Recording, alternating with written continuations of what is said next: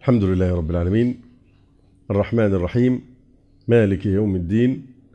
والعاقبة للمتقين. ولا عدوان إلا على الظالمين. اللهم صل على محمد وعلى آل محمد. كما صليت على آل إبراهيم إنك حميد مجيد. اللهم بارك على محمد وعلى آل محمد. كما باركت على آل إبراهيم إنك حميد مجيد. أما بعد فإن أصدق الحديث كتاب الله. وأحسن الهدي هدي محمد صلى الله عليه وآله وسلم. وشر الأمور محدثاتها وكل محدثة بدعة وكل بدعة ضلالة وكل ضلالة في النار. قبل أن ندلف إلى موضوعنا نذكركم بعنوان محاضرة قديمة لكنها كانت مهمة كان عنوانها السلفية منهج ملزم لكل مسلم. وبينا أن السلفية ليست يعني منظمة ليست جمعية ليست هيئة إدارية. أساسا السلفية قبل كل ذلك هي منهج في فهم الإسلام وفي العمل به. وأن كل مسلم مسؤول أمام الله سبحانه وتعالى عن أن يفهم الإسلام ويطبقه طبقا لمنهج السلف الصالح أو منهج أهل الحديث أو منهج أهل السنة والجماعة سمها ما شئت فنحن لا تتعبدنا اللافتات وإنما هي باختصار شديد منهج في فهم الكتاب والسنة والعمل بهما وذلك وفق ما علمه النبي صلى الله عليه وسلم ورب عليه أصحابه الكرام وتبعهم على ذلك التابعون وتابعوا التابعين إلى يومنا هذا يعني بإحسان إلى يوم الدين. فهي هي عبارة عن الإسلام نفسه لكن هي طريقة معينة في فهم الإسلام تمييزا لها عن الفرق الضالة التي انحرفت عن أهل السنة والجماعة كما بينا ذلك من قبل. ومن ثم نحن لا نعتقد إطلاقا لا السلفية حكر على الدعوة السلفية بالإسكندرية ولا على أي كيان سلفي سواء إخواننا ومشايخنا. في جماعة أنصار السنة المحمدية أو أيا كان سواء فرادى أو الجماعات أو تنظيمات تنتسب إلى السلفية فليست حكرا على أحد لأنها منهج وليست تنظيما. فمن ثم العائلة السلفية الناس تتعجب الآن ويكثر النقاش من أين أتى السلفيون. حتى إن بعض الإعلاميين يعني يعني يقول ده الإخوان كانوا أرحم. يعني تطلعوا لنا منين السلفيين وبدأ الناس تجاوب السؤال وتناقشوا من أين أتى السلفيون؟ هم يتصورون السلفيين ناس نزلت كده من الفضاء الخارجي غزاة من الفضاء الخارجي هبطوا عليهم فجأة. وذلك بسبب شؤم هذا المصطلح الكريه مصطلح النخبة. النخبة المثقفين والكذا وكذا اللي هم تعالوا علي بيكبروا على خلق الله إن هم المثقفين. ومن عداهم؟ دون ذلك. هم النخبة والصفوة. أما هؤلاء الآخرون فينظرون إليهم نظرة دونية. ومن ثم ظلوا في أبراجهم الفكرية العاجية يتكلمون عن العولمة والقولبة والصفوة والنخبة ويتباهون بهذا اللقب الفارغ وهم معزولون حقيقة عن يعني الشارع وعن جسد هذه الأمة ومن ثم كانت الصدمة شديدة جدا عليهم حينما اكتشفوا أنهم يهيمون في فراغ. اكتشفوا عند أول اختبار أنهم يعني محدودون جدا في كل شيء رغم أن الأبواب هم عمرهم ما حاربوا ما أحد حارب هؤلاء جميعا بالعكس كانوا مطلق اليد في تكوين الأحزاب وفي الإعلام وفي الجرائد وميزانية من الدولة تنفق عليهم على هذه الأحزاب ثم اكتشفوا أنهم مجرد أحزاب كرتونية وفقاقيع هوائية في الواقع.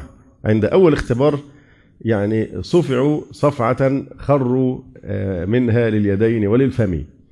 فده واقع. بدل بقى ما يستمروا في هذا الأمر ويتمادوا في هذا الأسلوب المتعالي على خلق الله يعني انزلوا بقى في مجال المعركة الحقيقية في الشارع مع الناس. أحسوا بآلام الناس لأنكم إذا اقتربتم من الناس مش ممكن أبدا تجرؤوا على أن تشتموا عقيدتهم ولا على أن تطعنوا في دينهم.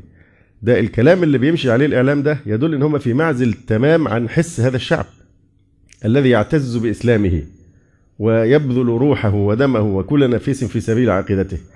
لسه ما اكتشفوش لسه ما ما ما لم يعني يواجهوا الواقع وإنما يعيشون في حيلة الإنكار. إن لا بيحاولوا لسه بيحاولوا وهيستمروا إلى حين لا شك. يعني في محاولة مواجهة هذا الواقع الذي يعتبرونه اليما. لا الناس نقدر نقول إن عامة مسلمي مصر سلفيون. بمعنى إن إن نحن أهل مصر في الجملة ندخل في نطاق أهل السنة والجماعة.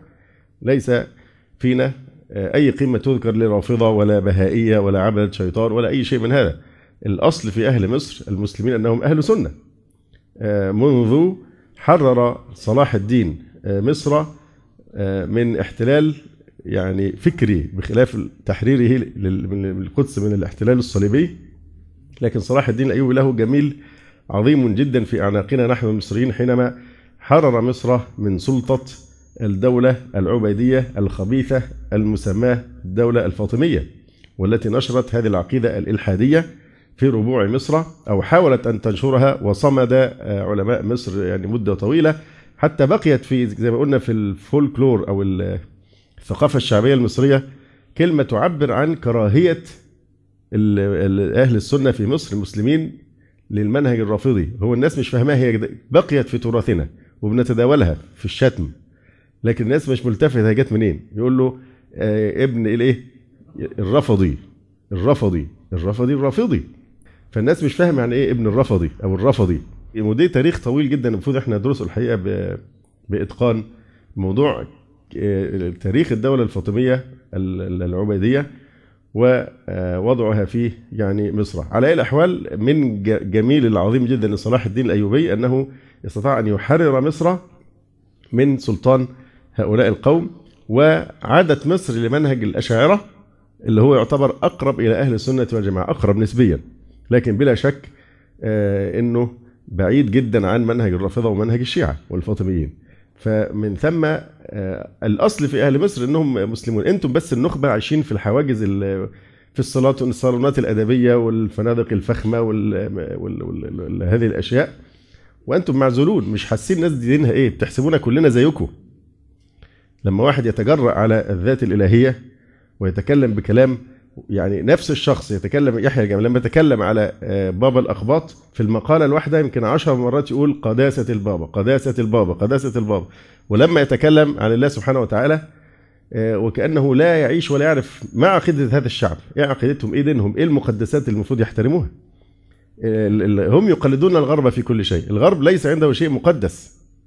حينما يعني يلحون على تعبير الدولة المدنية الدولة المدنية هؤلاء أيضا هذا مظهر مظاهر انفصالهم عن الواقع. هذا هذا الشعب لو كانوا يعرفونه عن قرب لو كانوا يدخلون المساجد لو كانوا يحضرون دروس العلم لو كانوا يتكلمون مع غير المثقفين اللي هو إحنا اللي هم هم النخبة وإحنا بقى الإيه؟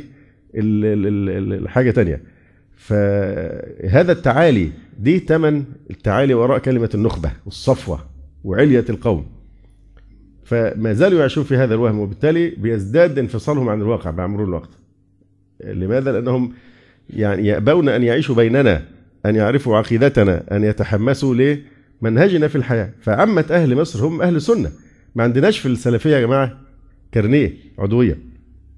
ما فيش كارنيه عضوية لأي واحد فيكم ولا في أي مكان في مصر لأننا كلنا مسلمون. ما فيش عضوية للمنهج السلفي أي مسلم مطالب أن يكون سلفيا لا أقصد المعنى الحزبي أو التعصب الحزبي المقيت لكن أقصد فهم الإسلام كما علمه النبي صلى الله عليه وسلم لأصحابه وكما فهم الصحابة القرآن والسنة. وده هي القافلة العظمى من أهل الإسلام في كل التاريخ الإسلامي إلى اليوم. هذا هو السواد الأعظم من المسلمين ينتمون في الجملة لأهل يعني السنة والجماعة. فدي عقيدتنا وهذا منهجنا. فالسلفية مش حكر على فئة معينة بتتميز بالاسم. ونحن لا يهمنا الاسم اطلاقا لأنه ممكن تطلق أسماء كثيره أهل السنة والجماعة سبيل المؤمنين أهل الحديث السنة الجماعة وهكذا. دي ألقاب كثيرة لا يهمنا اللقب يهمنا محتوى هذا يعني اللقب. فالحقيقة أن العائلة السلفية بهذا المعنى عائلة كبيرة جدا في مصر وهي الثقل الحقيقي في هذا الشعب. وإن كرهت الصفوة وإن رغمت أنوف النخبة. فهذه العائلة الحقيقة بفضل الله سبحانه وتعالى هي متوغلة في أعماق المجتمع المصري ويعني تنتج لنا كل يوم من العجائب. يعني أنا عن نفسي أول مرة للأسف الشديد طبعا من تقصيري التفت لشخص اسمه الهيثم زعفان. وأنا أعجب للمستوى العالي جدا في الرقي في الثقافة وفي التناول وفي نفس الوقت الولاء الرائع للإسلام ولأهل الإسلام. وهو أخ يعني أنا بحسب إن هو مش مصري طلع أخ مصري. بحسبه له توجه تاني طلع هو سلفي. وفي نفس الوقت في نوع من يعني عندنا كنوز في داخل مصر. نحن لا نحس بها لاننا مش جمعية فيها عضوية وبنحصي الناس ونقول ده معانا وده مش معانا اطلاقا. لكن لأن دي طبيعة المجتمع المصري إنه مجتمع فخور بانتمائه للإسلام بفهم السلف الصالح بفهم الصحابة والتابعين وتابعيهم بإحسان إلى يوم الدين. فالكتاب الذي نتدارسه كتاب المصطلحات الوافدة وأثرها على الهوية الإسلامية مع إشارة تحليلية لأبرز مصطلحات الحقيبة العولمية. للاستاذ هيثم هيثم زعفان أنا عرفت أنه شاب يعني في تقريبا منتصف الثلاثينات أو أقل قليلا وما شاء الله على لذلك عايز أقول ده المفروض عصر الشباب بقى. يعني المفروض أن الشباب يتبوأوا مقعدهم الذي يستحقونه لأن هذا عصرهم هم وليس عصر يعني ذوي اللحى البيضاء. المفروض أن أنا أيضا لحيتي بيضاء لكن دي سنة الخضاب يعني. نعم. فيعني إحنا عندنا شباب ولله الحمد في كل مجال من المجالات في أي مجال في كل قطاعات المجتمع. يعني أصبح حتى حتى يعني أي مجال في التخصصات في أي شيء موجود ولله الحمد ناس على أعلى المستويات. يعني لو مسكت الطب هتجد يعني عددا كبيرا من أساتذة كليات الطب مع الحرب التي كان يحاربون بها لأن حتى المتفوق كان يحصل تدخل أمني في تعيينه في لو كان ملتحيا مثلا أو متدينا. كان التقارير هي اللي بتعين وهي اللي بتعزل. وتعرفون القصص دي الطويلة دي. ومع ذلك ولله الحمد فرضوا أنفسهم بكفاءتهم وبجهدهم على الواقع.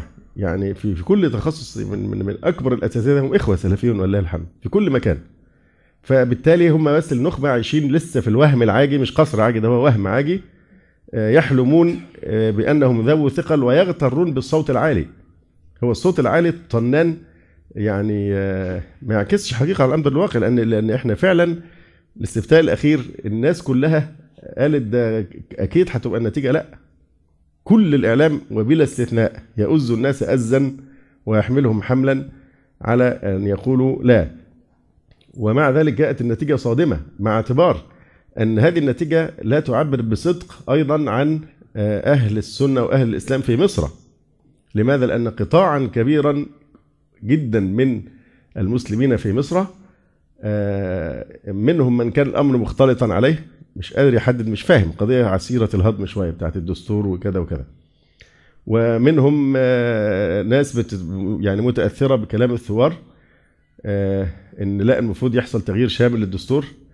ومنهم عدد كبير هو غير متفطن لبعد موضوع لا أو نعم. إيه البعد؟ هي القضية في حد ذاتها أنا نفسي كنت أميل إن إحنا نقول لا لو ما كانش في خطر على المادة الثانية. مش شيء طبيعي. بعد أي ثورة بيزال الدستور لازم يتعلم من جديد. يعني هو كلامهم منطقي لكن هم غير منتبهين للمؤامرة على هوية مصر الإسلامية. ولذلك ناس كثيرا ممن سمعوا كلام بعض الدعاة في هذه القضية ممن قالوا لا. أو لو كنا فاهمين الموضوع كده كان حتما هنقول نعم. فالعدد الكبير ده اولا في عدد كبير ما حضرش الاستفتاءات أصلا يعني حاجة و20 مليون. 22 مليون. ما حضروش أصلا وده تقصير. واللي حضروا من النسبة القليلة بقى اللي هي قالت لأ دي معظمهم لو كانوا فقهوا الأمر في الغالب لا يوجد مسلم يفهم حقيقة الموضوع إلا لو كان هيقول نعم والله تعالى أعلم. فيبقى في الآخر يعني بالكثير جدا بالكثير هتبقى خمسة يعني يعني 5% بالكثير قوي قوي قول 2 مليون قبطي وننفخ قوي قوي في الليبراليين والعلميين والنخب والنخبة والصفوة. يعني هيطلعوا في الآخر نقول مليون ننفخ فيهم جدا. هم كلهم كام صحفي وكم حزبي ما يطلعوش يعني يعني مش قضيتنا. لكن هن- هنقول مليون. تجاوزا آه، كانوا هيعرفوا حجمهم الحقيقي. ويفوقوا ويفهموا إن هم لا يمثلون هذا الشعب وهم لا يحسون بنا. ما يعرفوش إن الشعب المصري التدين عميق جدا فيه. وولاء الإسلام لا يمكن يساوم عليه اطلاقا. فيعني ال ال ال ال يعني هذه المقدمة أنا أقولها بين يدي أهل الإسلام في مصر هم سلفيون بطبيعتهم ولا أقصد سلفيون انتماء لراية معينة. أنا أقصد في فهم الإسلام في منهج فهم الإسلام. سمهم بقى أهل السنة والجماعة سمهم السلفيين سم أي اسم مش مشكلة.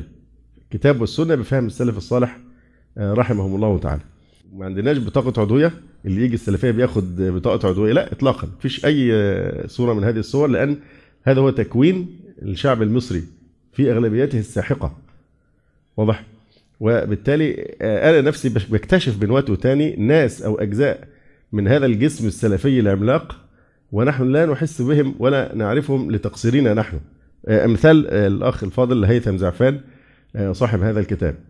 فجزاه الله خيرا على غيرته على الإسلام وعلى هذا المستوى الراقي جدا في التناول في الحقيقة. ومثله كثيرون نحن لا نعرفهم ولا نكاد نحس بهم وهذا طبعا لا آه، يضرهم. ف دي مقدمة بين يدي آه، مدارسة مصطلح آخر بعدما آه، درسنا كلامه في قضية المجتمع المدني. آه، ف- ففي كتابه في المصطلحات الوافدة وأثرها على الهوية الإسلامية بيتناول أيضا مصطلح آخر وهو مصطلح الأصولية. الأصولية.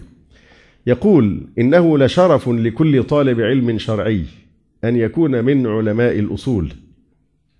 فعالم أصول الفقه والذي يطلق عليه لقب الأصولي له بين العلماء مكانة خاصة. هكذا يكون الاستعمال الصحيح لاصطلاح الأصولية عند إطلاقه في الشرق الإسلامي. الفلان الفلاني الأصولي. ده لقب يعني عظيم وفخم جدا آه، في العلوم الإسلامية. بينما في الغرب يبقى إحنا في ثقافتنا الإسلامية لما يتقال أصولي كلمة شريفة وكلمة آه، راقية جدا. آه، ودايما كان علماء الأصول أذكى الناس لأن علم يقتضي فعلا عقلا مرتبا ومنهجيا. وذكاء عاليا. فلما بنقول في تراثنا نحن أو في ثقافتنا فلان أصولي آه، بيبقى نسبة إلى علم أصول الفقه. بينما في الغرب عندما يطلق مصطلح الأصولية يرتقي إلى ذهن أبنائه أو يعني يقفز إلى ذهن أبنائه مجمل دلالات تاريخية وعقدية. طيب الغربي لما آه، يعني شوف أنت مثلا تسمع كلمة صلاح الدين الأيوبي على طول صدرك بينشرح. تدعو له تذكر آه، موقعة حطين تذكر تحرير بيت المقدس تذكر تحرير مصر من الدولة الفاطمية. فصلاح الدين أنت في ثقافتك لما بتسمعه ينشرح صدرك ورمز آه، يحبه كل مسلم. لكن صلاح الدين لما يسمعوا اسمه في الغرب نفور وعصبية لدرجة أخ كان عايش في إيطاليا فترة بيقول لي إن الأمهات في إيطاليا لما الطفل بيعمل ضوضاء ويريدون أن يسكتوه فيخوفوه يقولوا هجيب لك صلاح الدين. يعني هجيب لك صلاح الدين. ليه؟ لأن راسخ في ثقافتهم كراهية صلاح الدين الأيوبي رحمه الله تعالى. نفس الكلمة لكن في الشرق آه، دلالتها تختلف عن الغرب. نفس الشيء كلمة أصولي.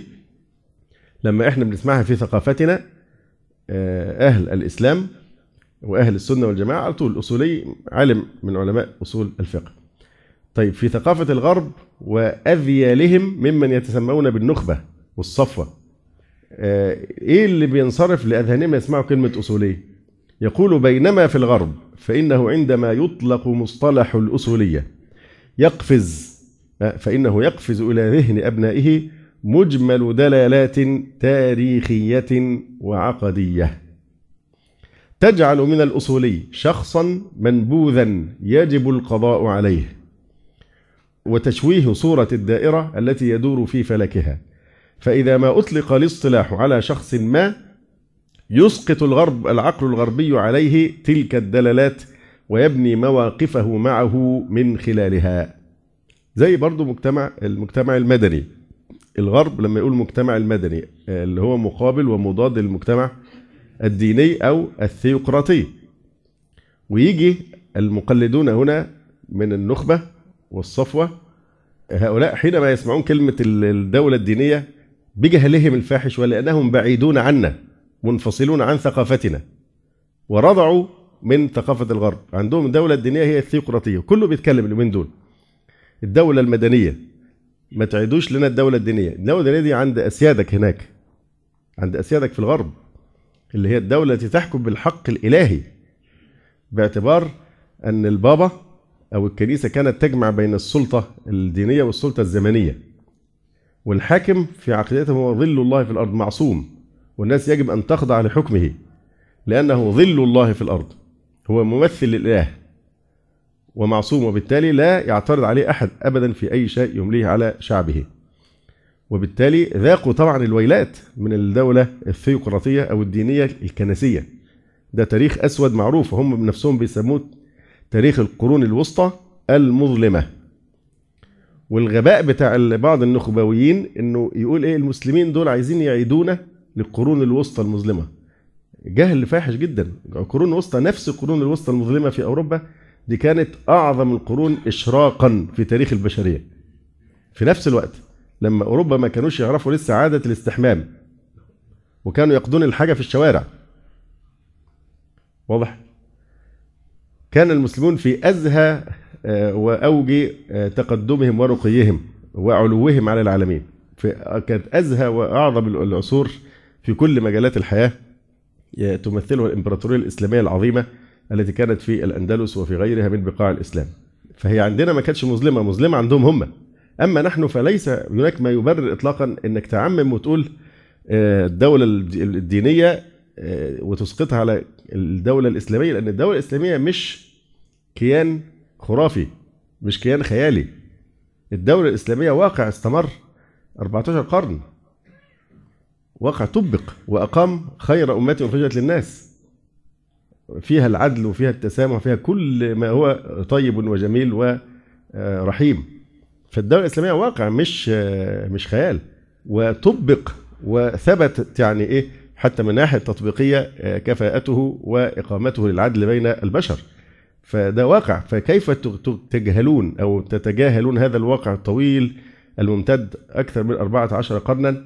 ثم تقولوا الدولة الدينية يبقى هي الدولة الإسلامية. لا قولوا الدولة الكنسية أو الدولة الثيوقراطية بمفهومكم أنتم لكن تيجي تطبقها على الإسلام وتقول عايزين يقيموا دولة دينية من عندنا الدولة الدينية دي ممكن تقولها في حق الفاتيكان. إنها دولة دينية. ممكن تقولها في حق إيران لأنها دولة دينية. ثيوقراطية بمعنى إن الحاكم عندهم إيه؟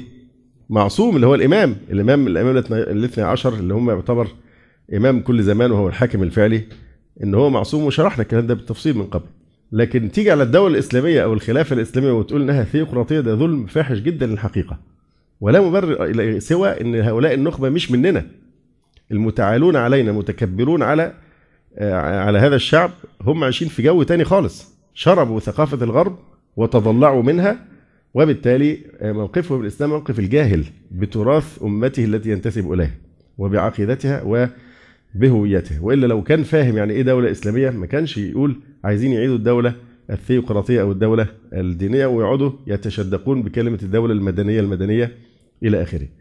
آه يقول الأستاذ هيثم آه زعفان فكيف نشأ هذا المصطلح الأصولية وكيف يستخدمه الغرب في احتكاكه مع العالم الإسلامي وهل له من تأثيرات على الهوية الإسلامية؟ يبدأ أولا ببيان نشأة مصطلح الأصولية. يقول تشير المعاجم اللغوية الغربية إلى أن كلمة أصولية اللي هي فاندمنتاليزم حديثة الظهور جدا في البيئة الغربية كمصطلح. أما من حيث مفهومها ودلالتها فقد كانت مقترنة بالكنيسة كاثوليكية كانت أم بروتستانتية إذ كان أول أصولي أصولي عندهم يعني يتعصب لأصوله أصولي يعني يتعصب لأصوله فأول أصولي عندهم هو مين؟ هو رجل الدين الغربي. ومن الظلم أيضا يقول لك حكم رجال الدين. عايزين يقولوا حكم رجال الدين. من قال هذا؟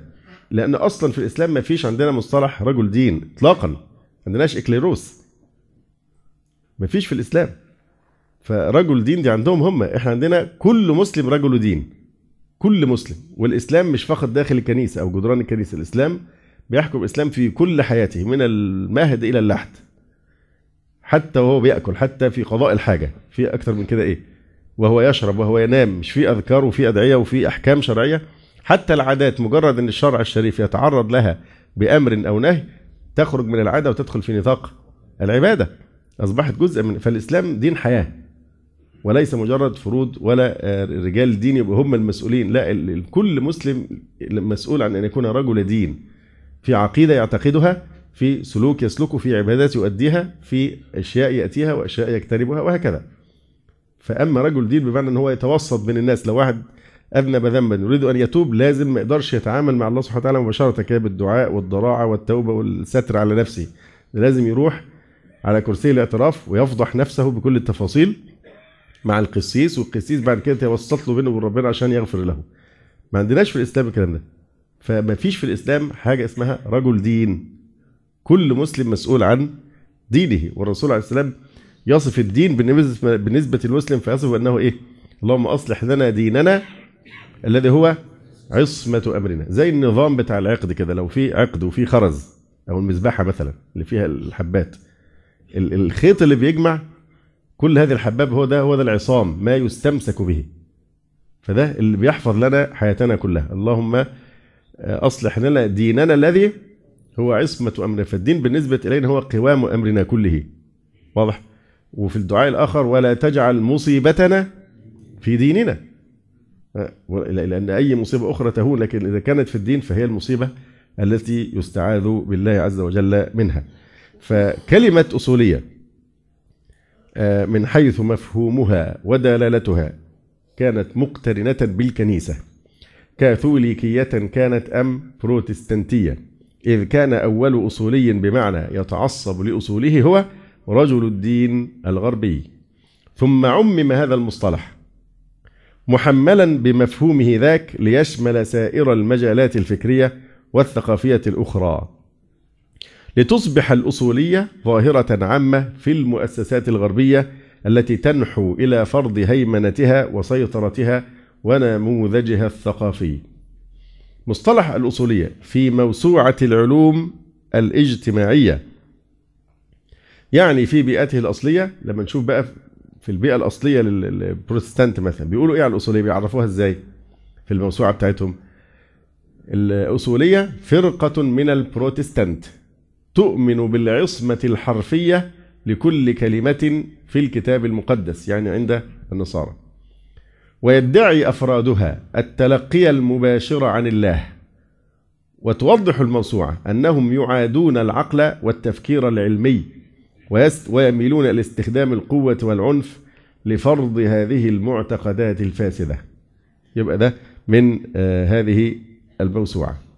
الأصولية فرقة من البروتستانت تؤمن بالعصمة الحرفية لكل كلمة في ما يسمونه هم الكتاب الكتاب المقدس. ويدعي أفرادها التلقي المباشر عن الله. بيتلقون مباشرة من الله. وتوضح الموسوعة أنهم الأصوليون يعادون العقل والتفكير العلمي ويميلون إلى استخدام القوة والعنف لفرض هذه المعتقدات الفاسدة. أما الموسوعة البريطانية فقد ذهبت إلى أن المسيحية الأصولية هي مذهب فكري بروتستانتي. ظهر في القرن التاسع عشر في الولايات المتحدة الأمريكية حيث يشدد هذا المذهب على الحقيقة الحرفية للكتاب المقدس يعني عندهم أي أنه يفسر الكتاب بشكل لفظي غير قابل للتأويل الأدبي أو التاريخي. وانتشر هذا المذهب بين البروتستانت بين عامي 1880 و 1890 والذين كانوا في تلك الفترة يعيشون أوضاعا مضطربة بسبب الاضطرابات العمالية وبسبب تنامي هجرة الكاثوليك للولايات المتحدة. وأيضا انتشر من خلال الدراسات النقدية التي كانت تتناول الكتاب المقدس عندهم. وقد عرض هذا المذهب أي توافق محتمل. المذهب الأصولي البروتستانتي عارض أي توافق محتمل بين ما يتوصل إليه العلم الحديث وبين ما هو مدون في الكتاب المقدس عندهم. مش مستعدين يتفهموا ولا يتقابلوا. يحصل توافق بين العلم الحديث مكتشفات العلم الحديث وبين ما هو موجود من نصوص كتابهم.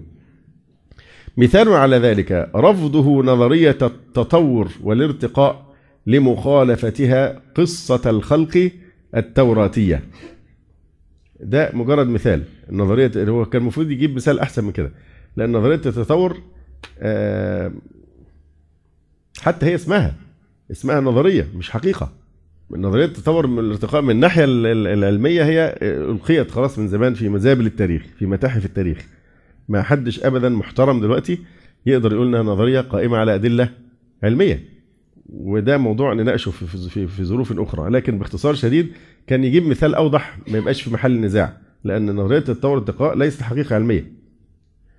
لكن نيجي مثلا لبعض النظريات الفلكية كان المثال هيكون أوضح هنا عشان ما يبقاش فيه يعني نوع من الاشتباه في المعنى فكان أفضل يجيب مثال إيه؟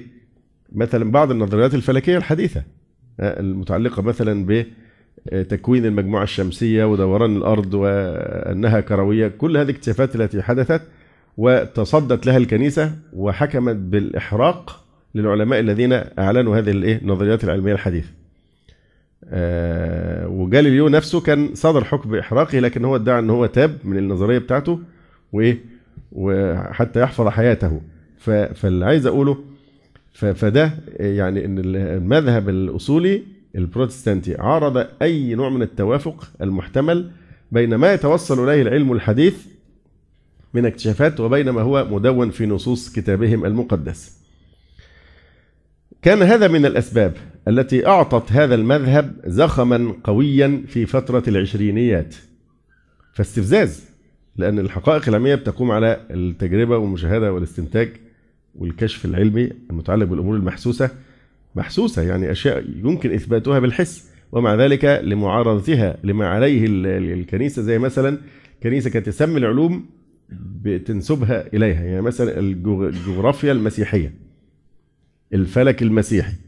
كل كل علم ينسب للإيه؟ وبالتالي ما دام هو مسيحي ما حدش يقدر إيه؟ يغلطه. فبالتالي اللي يخرج عليه يبقى كافر وهرتقى ويحكم عليه بالإحراق وبالإعدام وقرارات الحرمان إلى يعني آخره. فهذا الاستفزاز وهذا التخلف في الفهم جعل الناس تقبل بإيه؟ بنوع من الشغف على كل ما يضاد هذا النوع من الأصولية. فبدأت تترسخ فكرة كراهية كلمة الأصولية. لأنهم ضد العلم يرفضون المكتشفات العلمية الحديثة أما في فترة الثلاثينيات والأربعينيات فقد أنشئت العديد من المعاهد والكليات الأصولية المختصة بدراسة كتابهم المقدس عندهم. رافق ذلك أيضا تشكل بعض الجماعات الأصولية بين المعمدانيين والمشيخيين. بعضها انشقت عن كنائسها مشكلة كنائس جديدة. وفي أواخر القرن العشرين بدأت المسيحية الأصولية بتأسيس مؤسسات إعلامية من أجل التبشير ولنشر الأفكار الخاصة بها كما أنها تمكنت من التغلغل في الحياة السياسية الأمريكية وأصبحت طرفا نافذا في اليمين المسيحي الأمريكي. ننتقل إلى الموسوعة المسيحية العربية للأصول كيف تعرف الموسوعة المسيحية العربية الأصولية؟ ذهبت الموسوعة المسيحية العربية إلى أن الأصولية عبارة عن موقف فكري وتصرف عملي يتسم بهما أحد المذاهب البروتستانتية الأمريكية الذي ظهر في القرن التاسع عشر.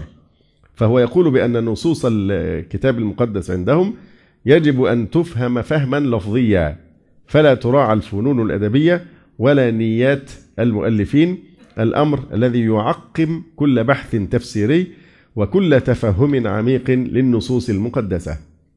وفضلا عن ذلك يطالب الأصوليون بأن تستند البنى الأساسية في الكنيسة إلى تصريحات عقائدية كثيفة وتتكيف تكيفا ماديا مع البنى القديمة الواردة في كتابهم المقدس. الأمر الذي يحول دون أي نمو وتقدم ويعارض الحركة المسكونية. وتتجذر أصول هذه النزعة في اليقظة الدينية التي عمت أمريكا بين القرنين الثامن عشر والتاسع عشر. وقد كانت أفكاره مقبولة من جميع الكنائس البروتستانتية تقريبا. وقد نشأ هذا الفكر كفكر معارض لدراسة الكتاب المقدس عندهم دراسة تاريخية نقدية. ورفضت أن يكون هناك توافق بين ما يصل إليه العلم يوميا وما هو مسجل في كتابهم المقدس. ويعتبر هذا الفكر اليوم من العوائق الهامة التي تحول دون المسيرة المسكونية لبعض الكنائس البروتستانتية. فمصطلح الأصولية إذن هو مصطلح استثمرته العالمانية في محاربتها للدين المحرف. ووصمت به كل من يحاول العودة بأدراج العلمانيين إلى الكنيسة. أي حد عايز يرجع تاني للكنيسة فيقولوا أنت أصولي. وطبعا كان في حرب بين العلمانيين الذين يريدون فصل الدين عن الحياة وبين الأصوليين. فبالتالي هذا المصطلح, المصطلح الأصولية من كان من الأسلحة التي استعملها العلمانيون لينفروا الناس من العودة إلى الدين النصراني. على أساس إن إن هؤلاء إيه؟ هم إيه؟ أصوليون. والناس تعرف تاريخ هذا المصطلح. إذا فهو يخير بين العلم والجهل والتقدم والتأخر. فلما تستعمل كلمة أصولية في محاربة أو في مواجهة العلمانية يبقى دايما بيقفز لذهن الشخص العادي في الثقافة الغربية إيه؟ علماني في مقابلة أصولي. العلماني ده بتاع العلم والأصولي بتاع الجهل. العلماني ده بتاع التنوير الأصولي بتاع الظلام. العلماني ده التقدم والتحضر الأصولي بتاع الإيه؟ التأخر. فالأصولي بالوصف العالماني هو شخص يعادي العقل والتفكير العلمي ويحاول بالقوة فرض نموذجه الفاسد.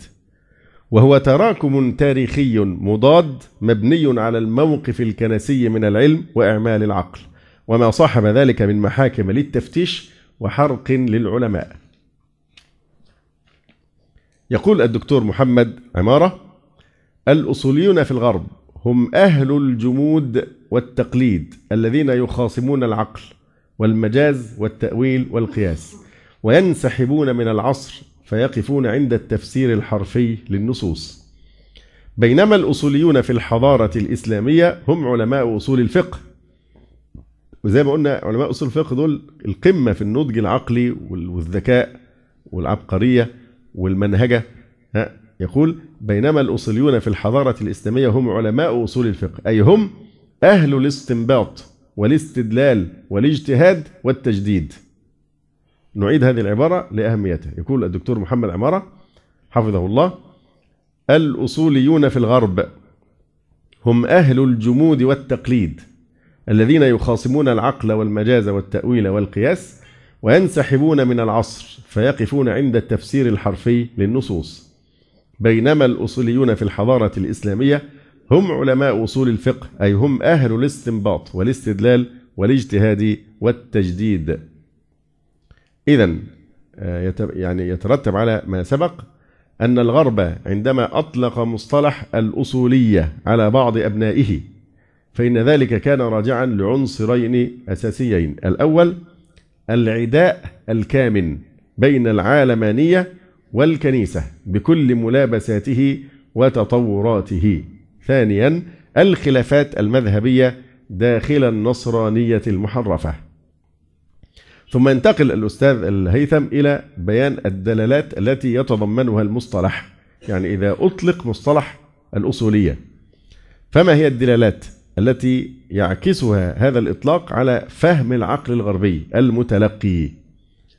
وده حسب الرؤية الغربية للاصطلاح يعني الشخص الغربي صاحب الثقافة الغربية لما يسمع كلمة أصولية إيه الذي يقفز إلى ذهنه؟ إيه التصور الموجود؟ أنت بتسمع كلمة دبابة.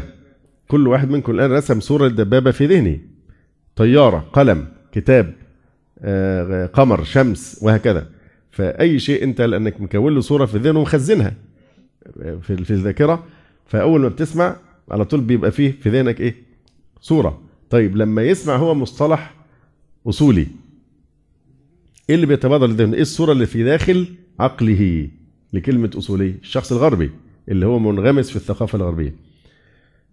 إذا أطلق هذا المصطلح عند الرجل الغربي فورا يقفز إليه هذه الدلالات. أولا الأصوليون معتقداتهم فاسدة.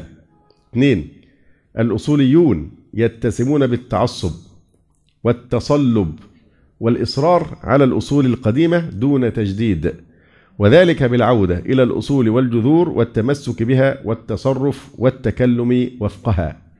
ثالثا الأصوليون يسعون إلى إحداث تغييرات متطرفة في الفكر والعادات السائدة والأحوال والمؤسسات القائمة.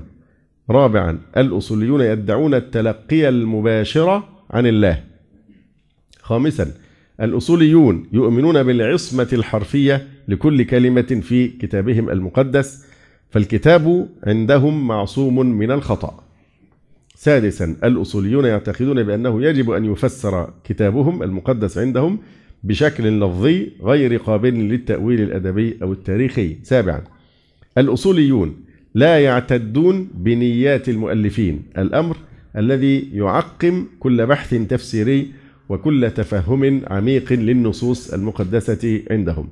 ثامنا الأصوليون يعرقلون أي نمو وأي تقدم كنسي فهم يطالبون بأن تستند البنى الأساسية في الكنيسة إلى تصريحات عقائدية كثيفة وتتكيف تكيفا ماديا مع البنى القديمة الواردة في كتابهم المقدس عندهم. تاسعا الأصوليون يعادون العقل والتفكير العلمي. عاشرا الأصوليون يعارضون أي توافق محتمل لما توصل له العلم الحديث يوميا وبين ما هو مدون في الكتاب المقدس عندهم. حادي عشر.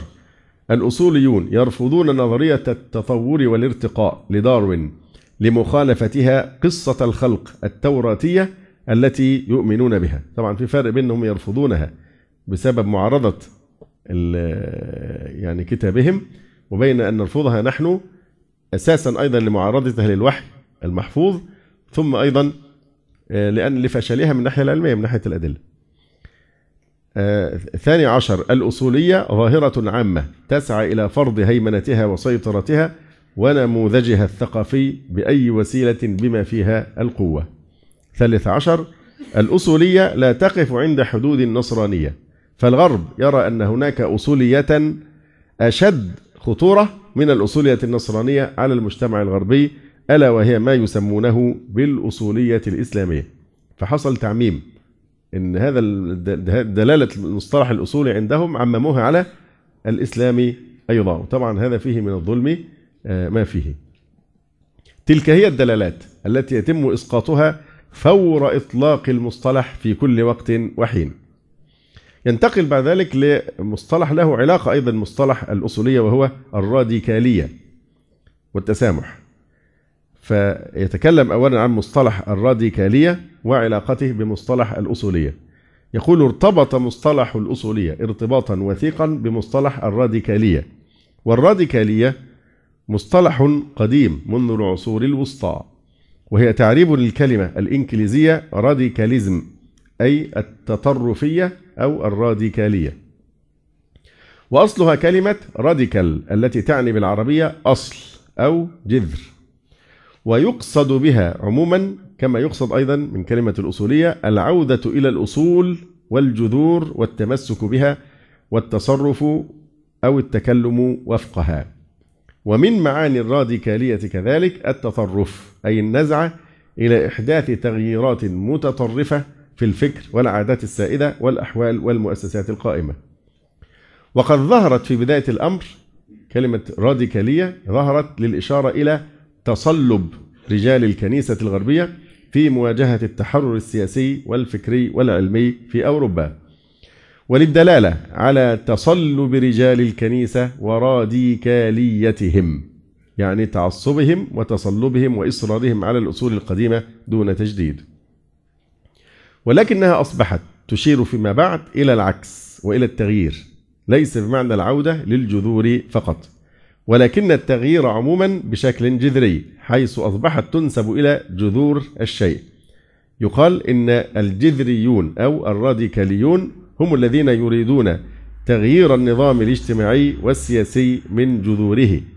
يعني حصل بعد كده مع تطور الوقت آه، بتستعمل استعمال آخر. يعني زي ما قلنا إن الراديكالية زي الأصولية إن العودة للجذور والتمسك بها والتصرف وفقا لها. من معاني الراديكالية أيضا الايه التطرف. النزع إلى إحداث تغييرات متطرفة في المجتمع. آه، لكن دلوقتي يعني أو أحيانا بتستعمل الراديكالية مش بهذا المعنى الذي ذكرناه انفا لكن بمعنى آه، التغيير بشكل جذري مش شرط بقى الشكل يكون موافق لإيه؟ للاشياء القديمه للأصول القديمة. لكن أي تغيير يأتي من الجذور فبيسموه تغيير راديكالي. فهو تغيير وفقا للأمور العصرية بس يكون راديكالي يعني بنغير من جذور الإيه؟ من الجذر يعني ها. يقول لكنها أصبحت تشير فيما بعد إلى العكس وإلى التغيير. ليس بمعنى العودة للجذور فقط آه، ولكن التغيير عموما التغيير الجذري بشكل جذري. يقال إن الراديكاليون هم الذين يريدون تغيير النظام الاجتماعي والسياسي من جذوره.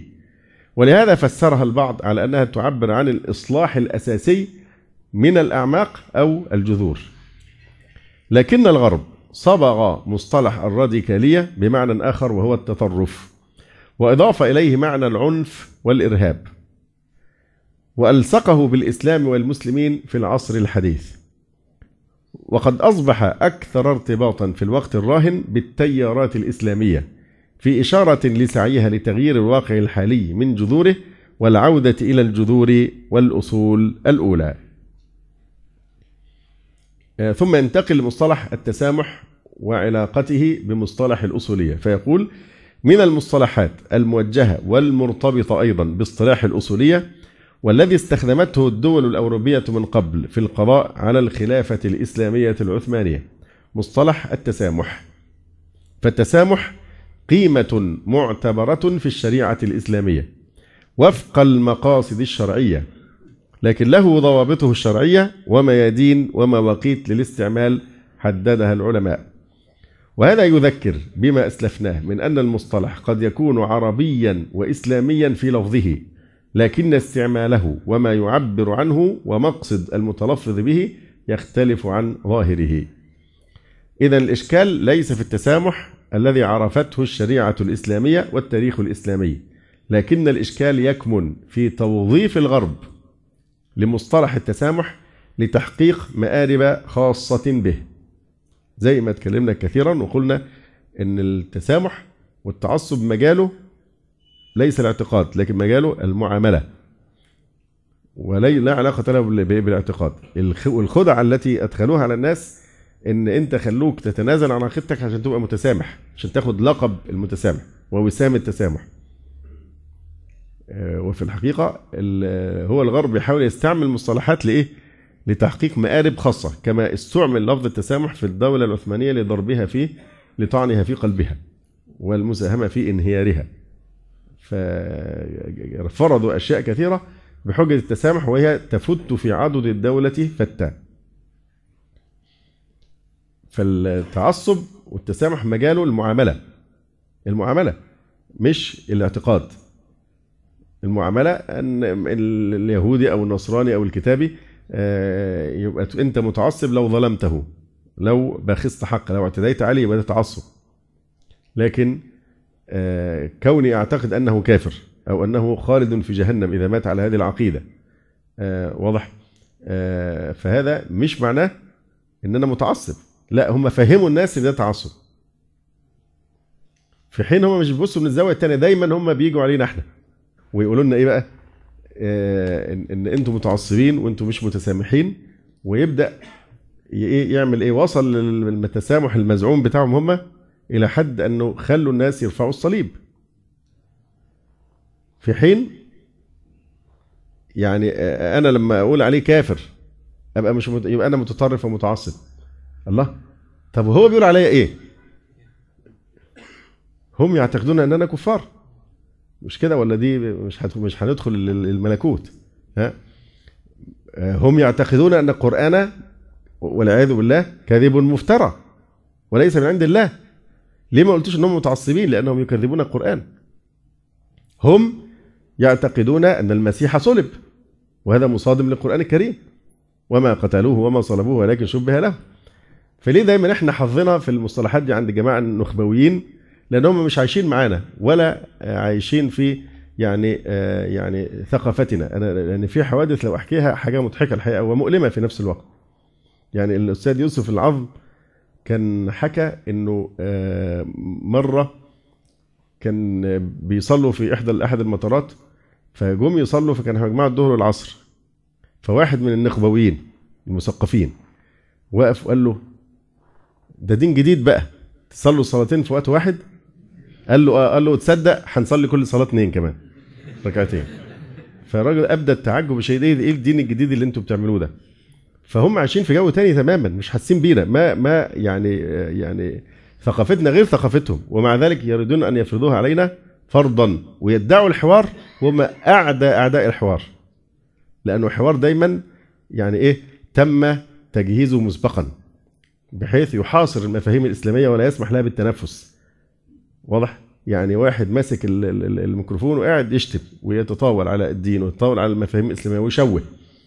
فالشاهد يعني من الكلام إن هو بيعتقد القرآن ليس كلام الله ويعتقد أن محمدا ليس رسول الله عليه الصلاة والسلام ويعتقد أن ديننا دين باطل ومع ذلك ما سمعناش حد بيتهمه بالتعصب. لكن أنا لما أقول عليه كافر إيه التعصب ده؟ ده في ناس دلوقتي وصلت الغربة عند المثقفين دول النخبويين والنكبويون. دي نكبة مش مش نخبة. إن إن هو بيستغربوا جدا يقول لك تصوروا دول بيقولوا النصارى كفار. أو إن اليهود هيروحوا النار. يعني كأنها شيء يعني في غاية التخلف. يعني إزاي الناس دي بتفكر؟ سبحان الله. يعني معناها ما عمره ما قرأ القرآن الكريم مرة واحدة. ده إذا كان يؤمن به بعيد عننا تماما هم. ومع ذلك يريدون أن يقهرونا بصورة جديدة. هو الإعلام هو هو بتاع مبارك لم يتغير وما زال عايش في وهم الماضي. لكن إن شاء الله الأيام سوف يعني تصحح له هذه الصورة. فوصل الأمر إنك أنت عشان تبقى مسامح يلا مسلمين ويا أخباط في المظاهرات ارفعوا الصليب مع الهلال. لا. لا يمكن الإسلام يسمح بهذا اطلاقا لأن الصليب شارة فيها طعن في عقيدتي فيها طعن في القرآن الكريم. لما ارفعه في طريقة فيها تقديس أو احترام معناه أنني أكذب بالقرآن الكريم الذي قطع وجزم بقوله تعالى وما قتلوه وما صلبوه ولكن شبه لهم. نفس حادثة الصلب لو لم يتعرض لها القرآن قضية عاد ممكن تشبه أن تكون عادية ما هيش مشكلة بالنسبة لليهود معروف أن اليهود هم قتلة الأنبياء. ده شيء معروف في تاريخهم. قتلوا يحيى قتلوا زكريا ده شيء عادي عند اليهود. ده لو لم يتعرض لها القرآن لكن متى ما تعرض القرآن بالنفي القاطع لقضية الصلب فإذا كل من عظم الشعار أو الرمز الذي يدل على حدوث الصلب صلب المسيح فإنه يخرج من ملة الإسلام. يكفر. لماذا؟ أنه يكذب القرآن الكريم. فالمفروض أن النصراني زي ما النصراني المهذب بيجي في رمضان.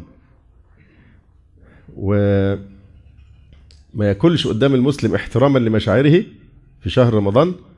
واضح ففي هذه الحالة المفروض إنه برضه يعني ما يجرح شعوري بإنه يرفع شعار خاصة ما يكون المكان فيه مسلمين وأقباط فيه تكذيب للقرآن. واضح؟ ف فهم فهموا الناس ان ده تسامح. هو الهلال إحنا بنقول لهم لا عايزين هلال ولا صليب. لأن إحنا الهلال لما نلغيه مش هيخسرنا حاجة. الهلال بالعافية كده خلوه رمزا دينيا وحطوه على إعلام الدول. لكن ما عندناش دليل شرعي إن الهلال له أي علاقة بالمسلمين كخصيصة من خصائصهم. الهلال يمكن عشان شهر رمضان مثلا صيام رمضان. طيب ما هي الصين بتتع... بت... التقويم عندها بيكون وفق التقويم الهلالي في الصين. واضح؟ فعملية الهلال إحنا بالنسبة لنا مستعدين نتنازل. إحنا نتنازل عن الهلال وأنتوا تتنازلوا عن الصليب. خليه علم مصر بس. لأن أنتوا لما ت... يعني لما نتنازل عن الهلال إحنا بالنسبة لنا مش مشكلة. لكن لما نرفع الصليب خروج من ملة الإسلام فده مش مسموش تعصب لا علاقة بين التعصب وبين العقائد لأن عقائد داخل قلبي أعقد عليها قلبي فبالتالي لا يجوز أن يرفع شعار على سبيل الاحترام والتقديس يصادم القرآن الكريم. أنا أقصد في التجمعات اللي فيها مسلمين هم في كنائسهم حرين في موضوع الصليب لكن أنا أقول الناس اللي بتصفنا بالتعصب لما يعني نقاوم مثل هذا الوضع يعني. على الأحوال نعود إلى موضوعنا. فالتسامح مجاله المعاملة وليس مجاله الإيه؟ الاعتقاد. واضح؟ فهم فهموا الناس إن رفع الصليب مع الهلال ده تسامح. لا علاقة له ده تكذيب صريح للقرآن الكريم وخروج من ملة الإسلام. طبعا إحنا لا نكفر الناس دي ليه؟ لأنهم جهلة. ولم يبين لهم أحد هذا الفعل الشنيع.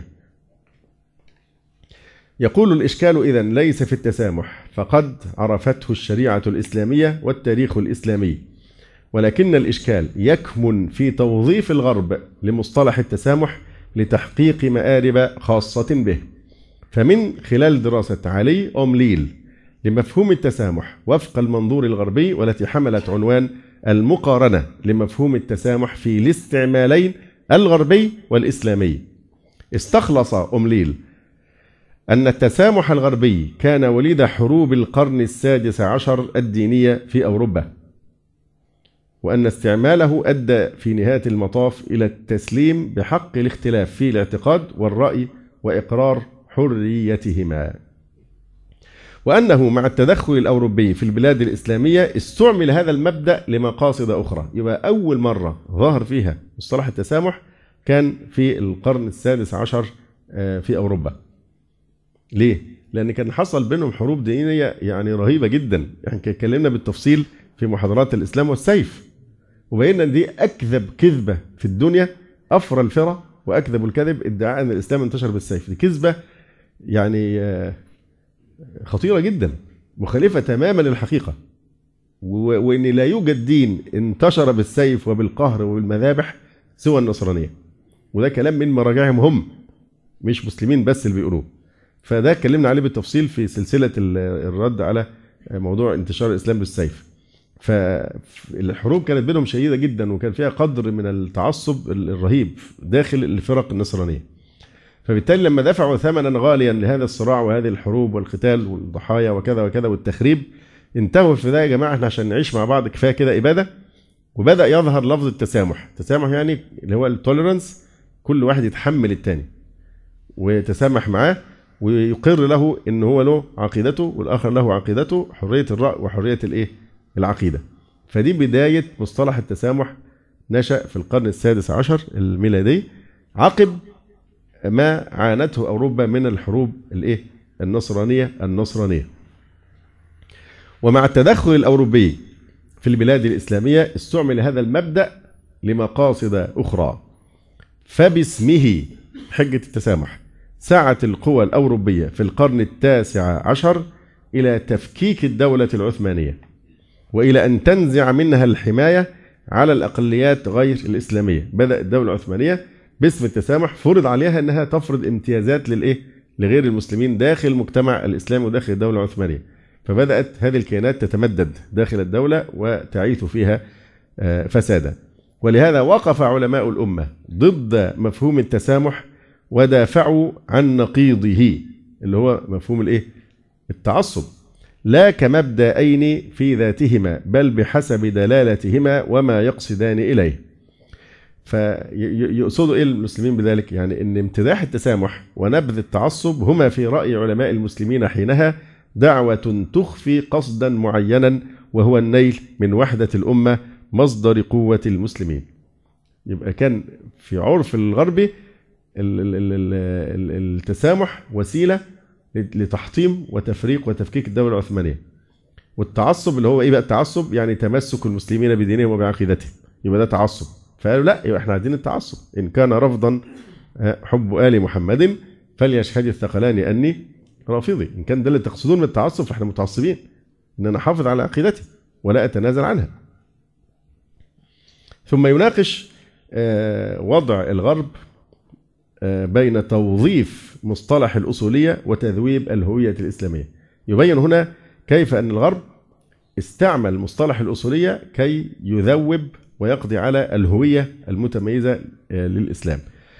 آه، فيتكلم أولا عن الغرب وقيامه بتصنيف المسلمين. يقول الصراع العقدي بين أهل الكتاب والإسلام من ناحية والمطامع الاستعمارية للغرب العلماني في العالم الإسلامي من ناحية أخرى. جعلاهم يستثمرون مصطلح الأصولية التنفيري. لمواجهة الدفع الإسلامي من قبل علماء المسلمين اليقظين ومن قبل اليقظة الإسلامية الجماهيرية. فالغرب عندما يتعامل مع العالم الإسلامي فإنه يقسمه إلى ثلاث شرائح يصنف المسلمين إلى علمانية وإصلاحية وأصولية. دي عدة الشغل لأجل القضاء على الهوية الإسلامية. دي الآلات اللي بيستعملوها عشان اللي إيه؟ يعملوا عملية الإيه؟ الجراحة النفسية للمسلمين آه، لينزعوا مفاهيم ويزرعوا آه، مفاهيم أخرى. فهو بيقسم العالم الإسلامي إلى علمانيين وإصلاحيين وأصوليين. ويضع استراتيجيته وفقا لهذا التقسيم الذي توضحه مذكرة مرفوعة للكونغرس الأمريكي بعنوان المسلمون الأصوليون وسياسة الولايات المتحدة والتي أعدها دانيال آه، بايبز الأستاذ الزائر بمركز هار جامعة هارفارد لدراسات الشرق الأوسط. جاء إيه في المذكرة؟ هناك ثلاثة مداخل للإسلام.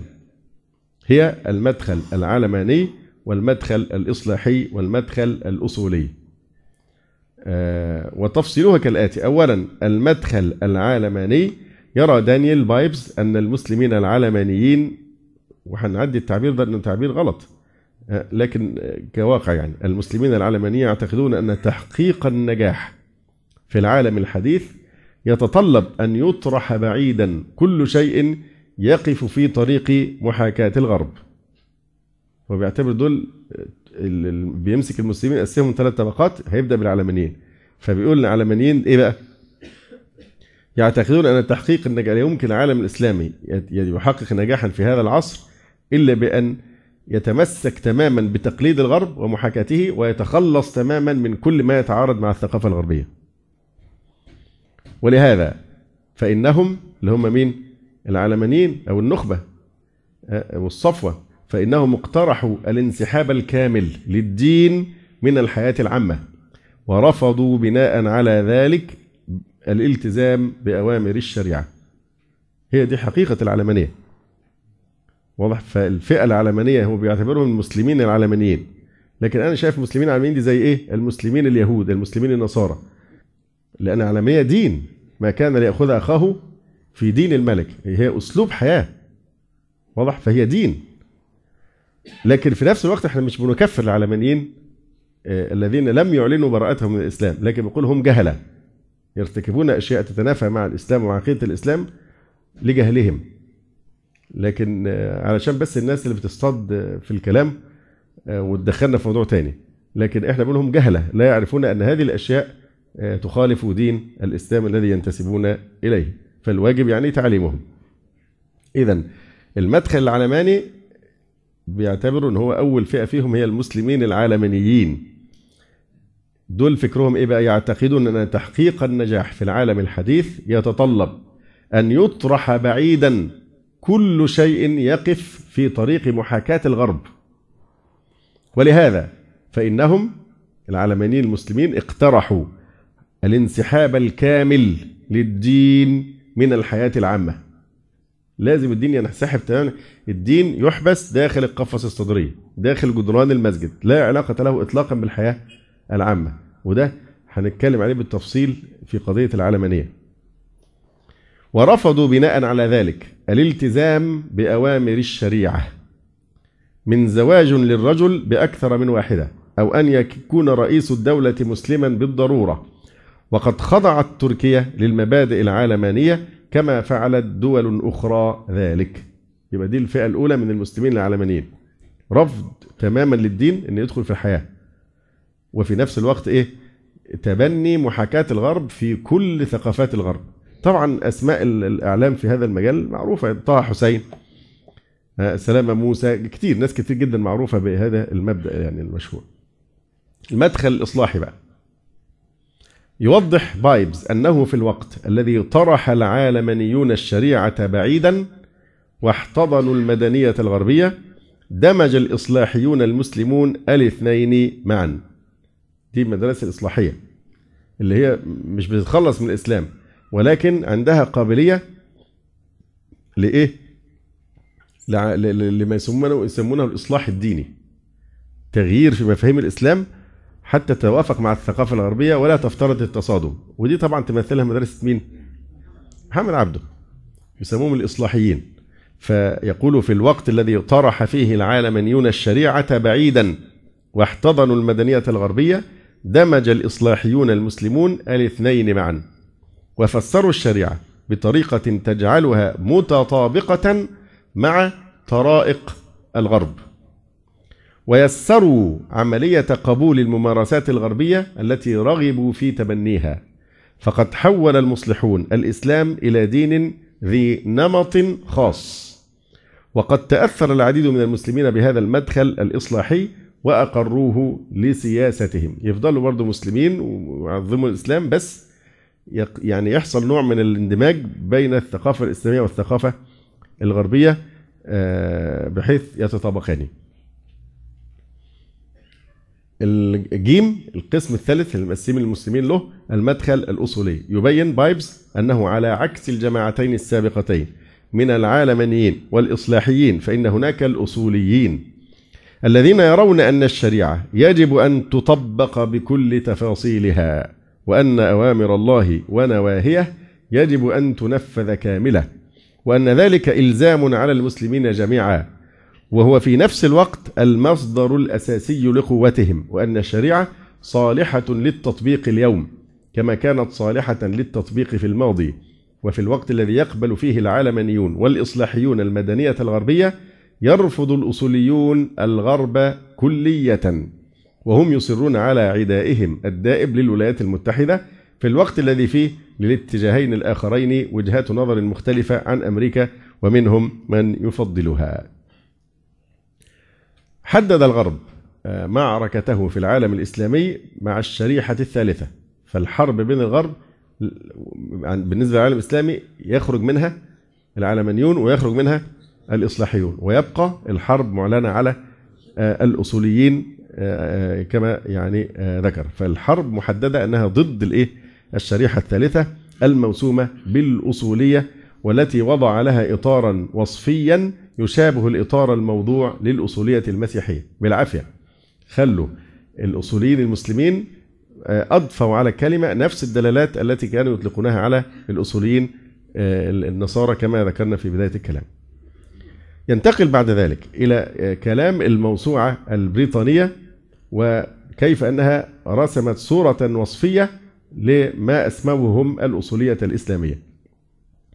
يقول تقسيم الكونغرس الأمريكي السابق للمسلمين تقاربت معه الموسوعة البريطانية في تصنيفها.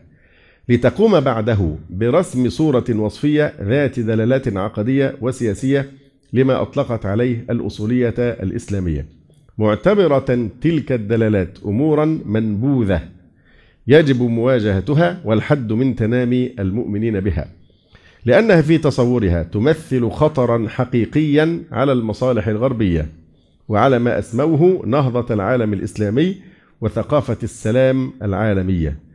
ويلمس المدقق البصمة اليهودية في وضع الدلالات وتوجيهها الذهني للمواطن الغربي المهيأ مسبقا لرفض الأصولية المسيحية. فلما يجي في ال- الموسوعة البريطانية ويعرفوا الأصولية الإسلامية ويخاطبوا حس ووجدان المثقف الغربي بنفس الظلال اللي هي بتضفيها كلمة الأصولية اللي هم كلهم بيكرهوها وعارفين أصولية معنى كذا وكذا وكذا.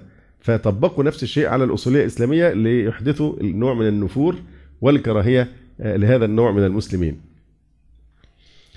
يمكن عرض التصور البريطاني لمن أطلق عليهم وصف الأصوليين الإسلاميين من خلال تحليل رؤية الموسوعة البريطانية لما تطلق عليه الأصولية الإسلامية. أولا ترى الموسوعة البريطانية أن الأصوليين الإسلاميين يصرون على التفسير الحرفي للكتاب المقدس الذي هو القرآن الكريم. طبعا التفسير ال- ال- الحرفي بالذات التفسير يعني ما تجوش تتكلموا عن التفسير مش هتعلمونا أنتوا آه، كيف نتعامل مع كلام الله تبارك وتعالى. إمتى بيكون في تأويل وإمتى بيكون في حمل على الحقيقة أو كل هذه الأشياء آه، فيها تفاصيل طبعا مؤلفة فيها يعني مجلدات عظاما. لكن هم بيبدأوا بهذا المعنى. عشان يقرنونا يقرنونا بالأصولية النصرانية التي تعتبر التفسير الحرفي لدلالات ألفاظ كتابهم اللي هم يقولون هو مقدس ونحن نعتقد أنه محرف. بخلاف القرآن الكريم فإنه كتاب محفوظ قطعا. ثانيا ترى الموسوعة أنهم أي الأصوليين الإسلاميين يصرون على أن الدين شوفوا الجريمة. ترى الموسوعة أنهم يصرون على أن الدين يشمل جميع نواحي الحياة. وبالتالي فالدين والسياسة لا يمكن فصلهما. وبالتالي هو الدين برضه في ذهنه كنيسة واللي عملته فيهم. فيبقى الأصوليين دول برضه عايزين يعملوا نفس الدور في آه، العالم الإسلامي. ترى الموسوعة أنهم يصرون على أن الدين يشمل جميع نواحي الحياة. النخبة ولاد الناس المثقفين يرون أن الدين يجب أن ينفصل عن الحياة تقليدا لسادتهم الإيه؟ الغربيين. وعشان كده بيحاولوا يفرضوا فرضا ويوهموا الناس بالطنين الإعلامي إن دي جريمة. وبيتكلموا كأنها آية منزلة. لا دين في السياسة ولا سياسة في الدين. من قال هذا؟ مش أنت اللي تحدد. الدين يبقى فين وما يبقاش فين. فدي عقيدتنا أن الإسلام نظام شامل للحياة كلها. إذا آه، أيضا هذا البعد مما آه، يعني آه، أضيف إلى التعريف الأصولية الإسلامية في الموسوعة البريطانية. ترى الموسوعة أنهم يصرون على أن الدين يشمل جميع نواحي الحياة بيسموه بان إسلاميزم بان يعني إيه؟ دين شامل لكل مجالات الحياة. لا ينفصل عن الاقتصاد ولا السياسة ولا الاجتماع ولا آه، أي نوع من نظم الحياة. الإسلام له نظامه وذاتيته وهويته المستقلة. تصفهم الموسوعة بأنهم متزمتون. ريفايفاليست وهذا الوصف بالتزمت ترجعه الموسوعة لدعوتهم للدعوة إلى نقاء الإسلام كما جاء به النبي محمد صلى الله عليه وسلم وطبق طوال التاريخ الإسلامي. واضح؟ هي revival أصلا معناها إيه؟ revival أو revivalism ها؟ أيوة إحياء أو تجديد. الحركة التجديدية بتوصف بهذا الوصف. ف يعني فهم بيتكلموا على كلمة الإحياء ده يعني التزمت التزمت على القديم.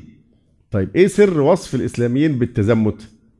إن هم يحيون القديم يجددون الدين والمفاهيم الأولى في العصور الأولى الإسلامية. فالوصف بالتزمت بتعزوه الموسوعة إلى إيه؟ أنهم يعودون إلى نقاء الإسلام كما جاء به النبي صلى الله عليه وسلم وطبق طوال التاريخ الإسلامي توضح الموسوعة البريطانية أنهم يعتقدون أنهم منخرطون في حرب مقدسة وجهاد ضد الأعداء. خامسا تبين الموسوعة أن لديهم تصورات عن مؤامرات يهودية وماسونية وأن تلك التصورات بنظر الموسوعة مأخوذة مباشرة من الكتابات المعادية للسامية. ترى الموسوعة البريطانية أن الأصوليين الإسلاميين مستاءون من هيمنة الغرب السياسية والاقتصادية على الشرق الأوسط. سابعا تصور الموسوعة الأصوليين بأنهم يكنون العداء للغرب ومن صور هذا العداء رفض الحداثة كلية. ثامنا وتبين أنه على الرغم من رفضهم للحداثة فإنه تجدر الإشارة إن أن الإسلاميين لا يرفضون التكنولوجيا الحديثة. تعتبر الموسوعة البريطانية الأصولية الإسلامية السنية أكثر خطورة من الأصولية الإسلامية الشيعية. عشرة تضرب الموسوعة البريطانية مثالا على من تراهم أصوليين وهي حركة حماس الفلسطينية والتي ترى الموسوعة أنها أنشئت أساسا لمقاومة ما ينظر إليه مش الاحتلال لمقاومة ما ينظر إليه على أنه احتلال لأرضهم من قبل إسرائيل. وتوضح الموسوعة أن الحركة ملتزمة أيضا بإنشاء دولة إسلامية بحتة وأنها تعارض فكرة قيام دولة فلسطينية في الضفة الغربية وقطاع غزة وتصر على القتال والجهاد لطرد الإسرائيليين من كل من فلسطين من نهر الأردن إلى البحر الأبيض المتوسط ومن لبنان إلى مصر. حيث تذكر الموسوعة أن ذلك ما تجعله حركة حماس مبررا لما وصفته الموسوعة بالهجمات الإرهابية على الإسرائيليين. ثم بعد ذلك آه، يناقش فكرة دور الغرب في فرض نظريات العلمنة آه، من قبل آه، الإسلام. يعني بيقول وبيعرض الغرب بيقول إزاي الإسلاميين بيرفضوا نحن نفرض عليهم الإيه؟ هذه النظريات. يقول نظريات التحديث العالمانية. التي يحاول الغرب فرضها على العالم وينتقد بشدة أي محاولة لرفضها من قبل الإسلام ومن أسماهم الأصوليين. في الوقت الذي يوضح الغرب أنهم يقبلون بالتكنولوجيا الحديثة هي نظريات رفضت لعدائها الواضح للدين عامة والإسلام خاصة ومحاولة ولوجها على حساب الإسلام. السفير الأمريكي آه، هيرمان إليدز يقول في تقريره أمام الكونجرس الأمريكي. إن النظريات الأمريكية عن التحديث قد رفضت الدين تماما. النظريات الأمريكية عن التحديث رفضت الدين تماما ورفضت الإسلام بصفة خاصة. ولم تعطه وزنه الحقيقي بل كانت تتمسك بمقولة إن هذا الإسلام العتيق هو أحد العوامل المعوقة للتحديث. وقد أظهر خبراء التحديث فهما سطحيا لإمكانية تطبيق الإسلام في الحياة المعاصرة. وكانت توصيتهم في هذا الصدد قصيرة النظر. بيقول اللي بيدعوا ده الخواجة بيكتب في تقرير لإيه؟ آه أمام الكونجرس الأمريكي. تخيلوا. كاتب التقرير ده اللي مقدمه للكونجرس الأمريكي. بيقول فيه إن إن إن الناس اللي بيدعوا إن الإسلام غير قادر على التحديث والحياة العصرية الحديثة والمفاهيم العصرية الحديثة بيقول ده فهم سطحي. آه، لإمكانية تطبيق الإسلام في الحياة المعاصرة. وكانت توصيتهم في هذا الصدد قصيرة النظر. هو بقى بيقول إيه؟ وانتبهوا. لقد أثبت الإسلام على عكس ما نحاه الخبراء بأنه حي وقوي وقادر. ده الخواجة. بيقول لقد أثبت الإسلام على عكس ما نحاه الخبراء. بأنه حي وقوي وقادر على مواجهة الحكومات التي قبلت بشكل أعمى هذه الصور من التحديث. حي وقوي وقادر على مواجهة الحكومات اللي هي بتحكم العالم الإسلامي واللي هي فرض عليه فرضا الهيمنة الغربية الثقافية الغربية.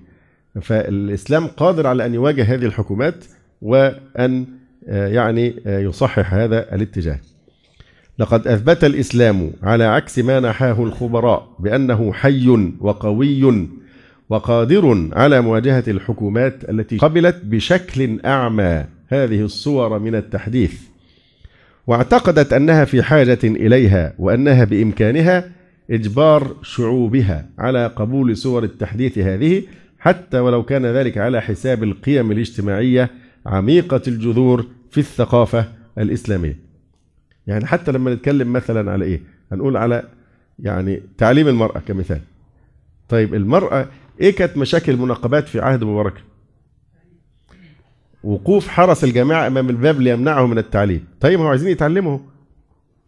وقوف الحرس وطرد المناقبات من الامتحانات والتمييز والاضطهاد الذي تعرضنا له مجرد أنهن يعني يلتزمن بحكم شرعي. واضح؟ فالتناقض غريب جدا.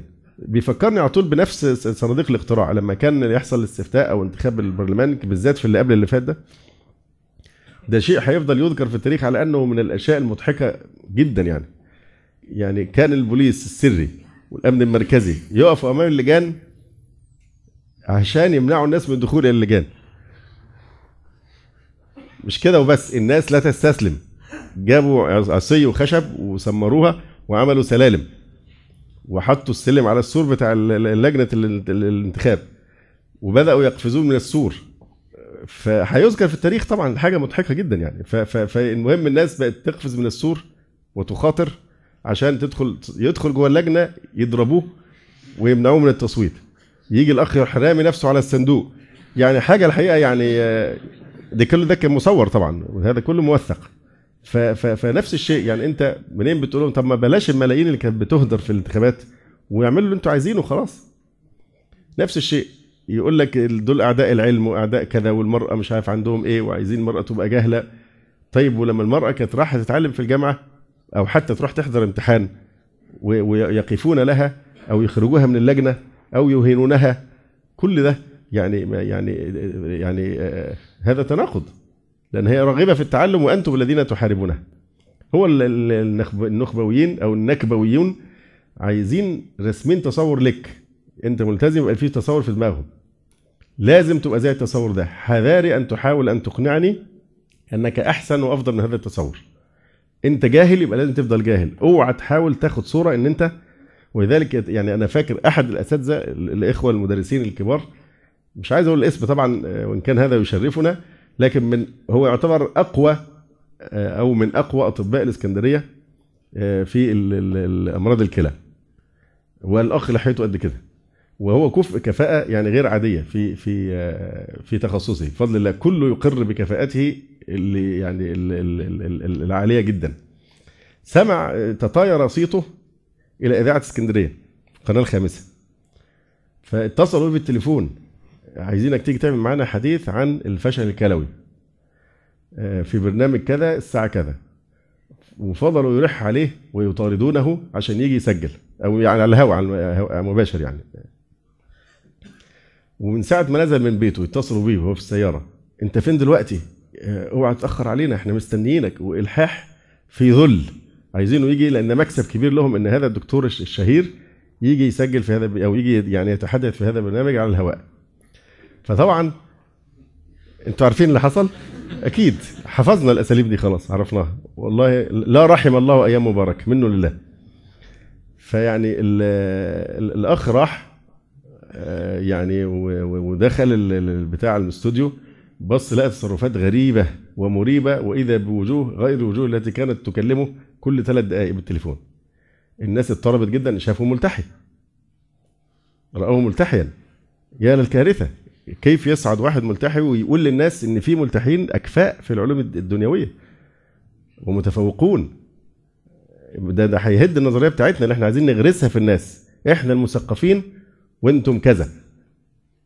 آه، فطبعا الراجل يعني لحد ما جه بقى مدير القناة وقال والله إحنا عندنا الحقيقة عطل هيمنعنا إن إحنا نبث على الهواء مباشرة الآن فإحنا بنعتذر جدا ونتأسف. طبعا هو فاهم الموضوع وغدر. فده مجرد لأنه ملتحي مش ومع كفاءته العليا التي يقر بها الجميع. فإحنا رأينا الحقيقة من الاضطهاد يعني ما يستوجب إقامة حملة لمناهضة التمييز ضد الإسلاميين في مصر. التمييز ضدنا لأننا مسلمون لأن هذه عقيدتنا. ده تمييز ديسكريمينيشن المصطلح اللي كانوا بيستعملوه مع جنوب إفريقيا مناهضة التمييز العنصري في جنوب إفريقيا وفي أمريكا لحد الستينيات وفي داخل فلسطين إلى اليوم. هو راسم صورة وغصب عنك لازم تبقى موافق لهذه الصورة حذاري إنك تخرج عنها. فبالتالي كل التصرفات مبنية على هذا الأساس إن إن هو مش قادر يصدق إن هؤلاء ناس متفوقون ناس أكفاء ناس عمليون ناس قدموا كثيرا جدا لخدمة الأهالي والفقراء والمساكين وعلموا الناس وفعلوا وفعلوا هو مش قادر يصدق. فذلك بيلجأ لحيلة الإيه؟ الإنكار لأنه مش عايز يغير الصورة اللي هو رسمها. لازم تبقى أنت في الخارج زي الصورة اللي في الداخل عندي. لازم. وحرام عليك أن تخرج عن هذا الإطار. طبعا بإذن الله تعالى سوف يقهرهم أهل لا إله إلا الله ويصححون لهم هذه الصورة كرها إن لم يكن طوعا إن شاء الله. آه ثم ينتقل إلى موضوع مهم جدا وهو مصطلح الأصولية. وهاجس الخوف من الإسلام. يقول هناك دراسات غربية كثيرة دأبت على الحديث عن العلاقة بين ما وصفوه بالأصولية الإسلامية والغرب الرأسمالي. لوحظ على هذه الدراسات أنها تنضح بالخوف من الإسلام والحركات الإسلامية المرتبطة به. والتي أضحت في تصورهم تشكل تهديدا للحضارة العالمية بوجه عام والحضارة الأوروبية بوجه خاص. فوفقا لهذه الدراسات أصبح العالم الآن يعيش ما يصفونه بعصر التهديد الإسلامي. هو مترجمة هنا The Era of Islamic Threat. عصر التهديد الإسلامي. خوف وهلع بانيك أو أو اللي هو الفوبيا اللي هي تعتبر خوف غير منطقي. ما أنا ممكن أخاف من النار أخاف من الثعبان من الأسد لأنه خوف منطقي. لكن لما خاف من من المية من المكان العالي من المكان الضيق ده مرض. واضح؟ ده مرض. فبالتالي هم زرعوا الفوبيا دي أو الخوف غير مبرر من الإسلام في الغرب. بيدعوا عشان يجملوا صورتهم إن هم ضد الإسلاموفوبيا في الغرب وبيحاولوا يحاربوها.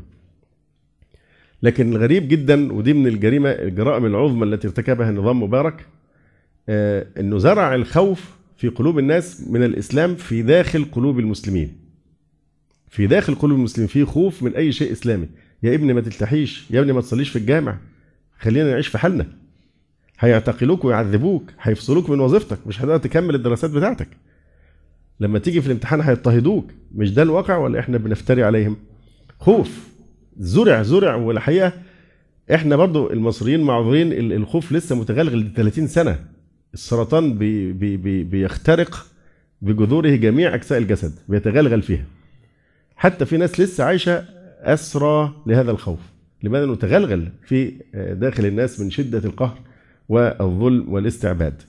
فطيب في الغرب شيء وارد إن يحصل تعصب ضد الإسلام ونشر ما يسمى بالإسلاموفوبيا. طب وداخل بلادنا أصبح الناس وأبنائنا يخافوا من الإسلام. آه، يقول له لا ما تقولش نعم لحسن بعدين هيحكموا بالشريعة الإسلامية. هي نعم هتحكم بالشريعة الإسلامية؟ طب وهو فاهم يعني إيه شريعة إسلامية؟ مش فاهم حاجة. ده القسم اللي حلف عليه حسين كامل بهاء الدين لما في أحد المؤتمرات في في اجتماع لمجلس الوزراء هنا في الإسكندرية مش إحنا جايبين هنا محطة الوزاره فده المقر الصيفي لمجلس الوزراء. حلقه قال لهم قال لهم أنتوا زعلانين جدا. كان المبارك طبعا أكثر واحد يعني نشر كلمة التطرف والإرهاب وربطها بالإسلام. فبيقول لهم أنتوا مشكلة التطرف تؤرقكم سيبوا لي أنا مناهج التعليم وأنا أحل لكم مشكلة التطرف. هطلع لكم الطالب من الجامعة ما يعرفش يميز بين المسلم والمسيحي. على حد تعبيره وده اللي إحنا وصلنا له. نشر الأمية بالإسلام تشويه مفاهيم الإسلام تشويه التاريخ الإسلامي. يعني حاجة عجيبة جدا وده ملف كبير جدا جدا ويعني أعتقد إحنا تكلمنا فيه من زمان قوي قوي أيام بداية موضوع تطوير التعليم على يد فتحي سرور. هو الذي فتح باب الشر. ثم أعقبه هذا الشخص المسمى آه، حسين كامل بهاء الدين طبيب أطفال. يقول فوفقا لهذه الدراسات أصبح العالم الآن يعيش ما يصفونه بعصر التهديد الإسلامي.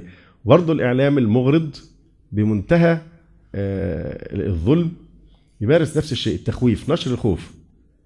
هو بيستعمل أسلحة قذرة في الحقيقة. يعني أما الحادثة اللي حصلت في الصعيد دي بدون ذكر تفاصيلها إن واحد راح قطع اذن واحد آه، أذن واحد نصراني. مشكلة معينة اتهامات الله أعلم صحيحة أو لا ما أقدرش أتكلم فيها لكن حادثة حصلت استثير المسلم إن هذا الرجل بيفعل كذا وكذا من الأشياء السيئة جدا آه، فهو غار الغيره إن فعل رجل وهو ممكن يكونش ملتزم شخص عادي. الله أعلم ما أعرفوش يعني إيه صفته بالضبط لكن المهم إن هو غضب لما يقال من كذا وكذا وراح جاي قطع الأذن القبطي. الجرايد فورا ما كدبتش خبر. السلفيون يقيمون الحدود على الناس في الشوارع. السلفيون قادمون السلفيون سيفعلون بكم كذا. يعني هو الواحد واثق تماما أن الله سبحانه وتعالى سيبطل كيدهم ويضل الله الظالمين. لأن هذه الأساليب القذرة ممكن تنفع مؤقتا لكن مع الوقت لازم كل شيء هينكشف فحملة شرسة جدا على أن الإخوة السلفيين الحقوا هيقيموا الحدود في الشارع يقتلوا الناس وهيقطعوا إيديهم ويجلدوهم ويرجموهم وإلى آخره. فنفس الشيء استعمال مثل طيب هو اللي عايز يدور ما يلاقيش في بلد زي مصر بهذه المساحة مليون كيلومتر مربع و 85 مليون.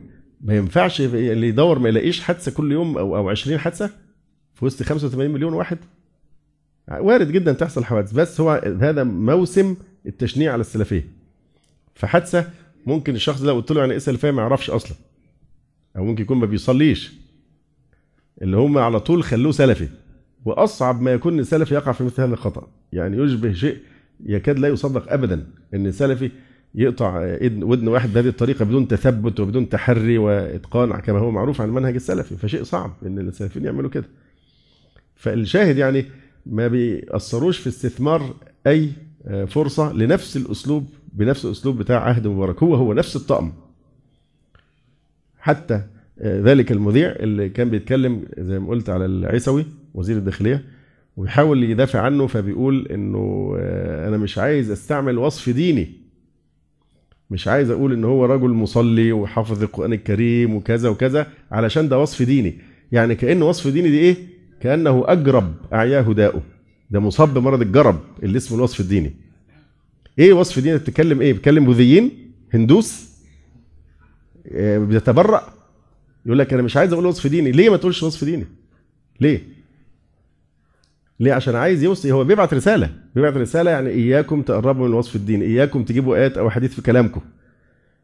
فهي رسائل لكن أنا واثق تماما الله سيحبط آه، كيدهم. يقول فوفقا لهذه الدراسات أصبح العالم الآن يعيش ما يصفونه بعصر التهديد الإسلامي آه، خاصة مع زيادة انخراط الإسلام في المجالات السياسية. ومن ثم ووفقا لهذه الكتابات فقد دعا الغرب إلى وجوب تحرك الساسة والباحثين للتصدي لشبح الأصولية السياسية الإسلامية وأن تتضافر الجهود من أجل القضاء عليها قبل أن يتفاقم خطرها. نكتفي بهذا القدر. أقول قولي هذا واستغفر الله لي ولكم. سبحانك اللهم ربنا وبحمدك. أشهد أن لا إله إلا أنت. أستغفرك وأتوب إليك. جزى الله فضيلة الشيخ خير الجزاء ونسأل الله جل وعلا أن يرفع مكانة الشيخ في المهديين وأن يجعله علما من أعلام الهدى والدين. ولا تنسونا وتنسوا الشيخ من دعوة صادقة بظهر الغيب. وتقبلوا تحيات إخوانكم في تسجيلات السلف الصالح بالإسكندرية. هاتف رقم صفر ثلاثة فاصل أربعة تسعة. أربعة سبعة ستة خمسة اثنان. والتليفون محمول صفر عشرة واحد ستة أربعة واحد تسعة ثمانية صفر. والسلام عليكم ورحمة الله وبركاته.